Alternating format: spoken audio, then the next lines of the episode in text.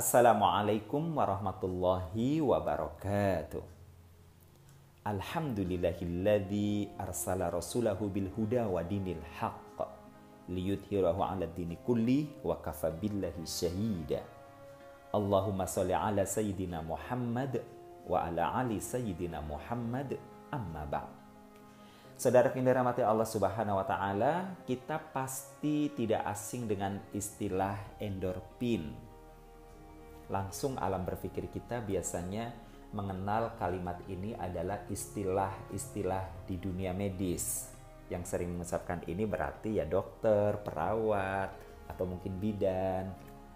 Orang-orang yang memang betul-betul berkecimpung di dunia kesehatan. Pertanyaannya, apakah endorfin ini kemudian harus dalam bentuk obat-obatan? Karena begitu disebut kata endorfin, pasti yang langsung melayang dalam benak kita adalah obat penenang. Maka mari kita tengok teorinya.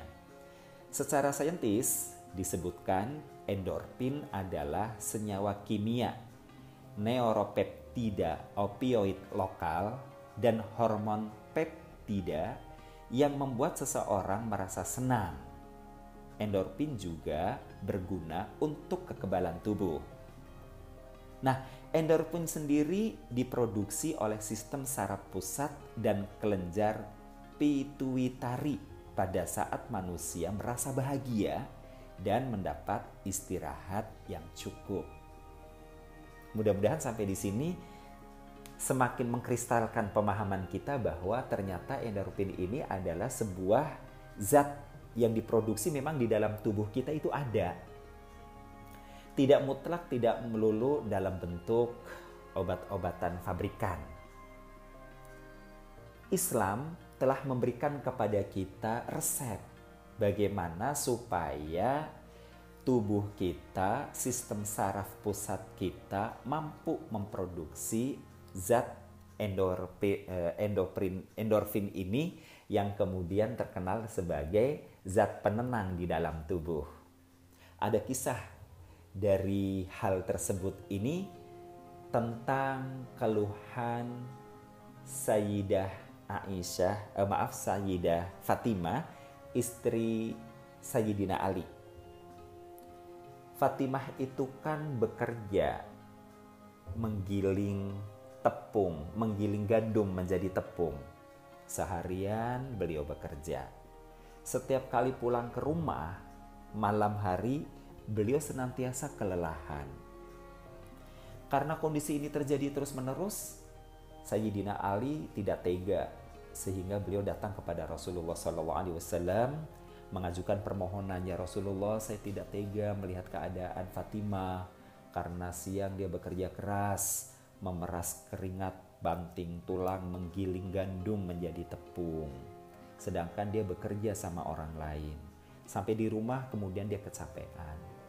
Oleh karena itu ya Rasulullah, saya memberanikan diri memohon kepadamu. Karuniakanlah kepada saya seorang pembantumu untuk saya berikan kepada Fatimah. Rasulullah ternyata tersenyum. Iya, saya paham. Itu kamu yang bicara.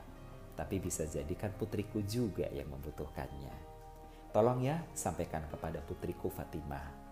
Ada loh yang lebih baik daripada seorang pembantu. Agar nanti Fatimah bangun tidur kembali bugar, kembali fresh, maka istirahatnya harus dibikin nyaman, harus dibikin tenang agar istirahatnya nyaman dan tenang, maka perintahkanlah kepadanya ya Ali Fatimah untuk membaca dikrullah, untuk wirid berzikir kepada Allah. Suruh ia membaca kalimat subhanallah, subhanallah sebanyak 33 kali. Kemudian alhamdulillah, alhamdulillah 33 kali dan Allahu Akbar, Allahu Akbar, Allahu Akbar sebanyak 34 kali. Kalau kita hitung, wirid berupa tasbih, tahmid, dan takbir ini totalnya adalah 100 kali. Fatimah diperintahkan oleh Rasulullah melalui Imam Ali ya oleh Rasulullah SAW tadi untuk wirid membaca dikir-dikir kepada Allah berupa tasbih, tahmid dan takbir. Ternyata betul bahwa ketika Fatimah mengamalkan wirid ini sebelum tidur, begitu bangun tidur badannya kembali fresh. Kelak wirid ini terkenal di tengah kita sebagai wirid Fatimah. Dan betul pula apa yang difirmankan oleh Allah Subhanahu wa taala dalam surah Ar-Ra'd surah yang ke-13 ayat yang ke-28.